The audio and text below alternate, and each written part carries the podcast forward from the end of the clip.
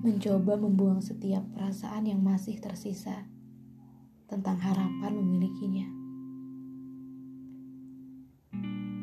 Ia pernah menjadi orang yang paling kucintai, meski aku tahu ia tak pernah memberi hati untuk diberi. Atas apa pun yang terjadi, aku tidak pernah menyesali apa pun. Satu yang tidak kupercaya, mengapa harus ia yang memberiku pukulan kecewa?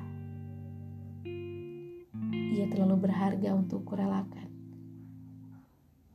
Ia terlalu indah untuk kelewatkan.